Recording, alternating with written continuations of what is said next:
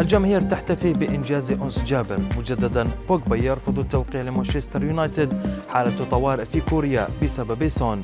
هذه الأخبار وغيرها تتابعونها على العربية بودكاست.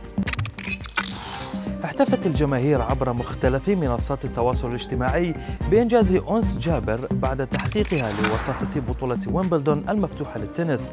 وعبر المتابعون على موقع تويتر عن فرحتهم بهذا الإنجاز الذي وصف بالتاريخي فيما قال آخرون بأن أنس تمكنت من تحقيق إنجاز كان يبدو في الأمس القريب أمرا مستحيلا.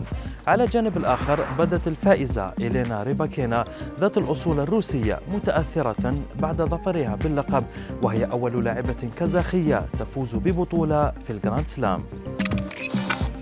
ورغم وصوله إلى يوفنتوس قبل يومين فقط أثار بول بوجبا الكثير من الجدل بعد رفضه التوقيع لأحد المعجبين كان يحمل قميص مانشستر يونايتد. وكان المشجع قد طلب من النجم الفرنسي التوقيع على قميص فريقه السابق لكن إجابة بوجبا كانت واضحة بابتسامة ورفض للتوقيع. هذه الحادثة أثارت غضب الكثير من من مشجعي يونايتد على السوشيال ميديا خاصة وأن بول بوجبا يعتبر من ناشئي النادي. سون يصل إلى كوريا الجنوبية. بالتأكيد هذا يعني حالة طوارئ في العاصمة سيول. لكن هذه المرة لم يكن لوحده بل مع باقي زملائه في نادي توتنهام.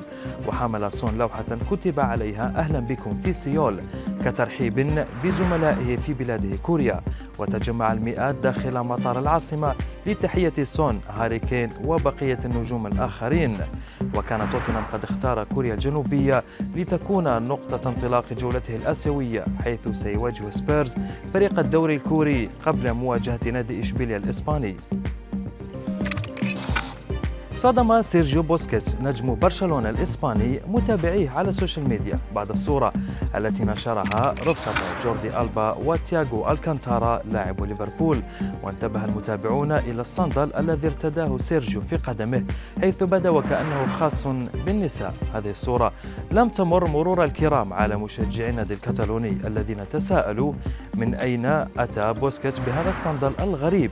فيما سخر آخرون وقالوا بأن اللاعب قد استعاره من زوجته.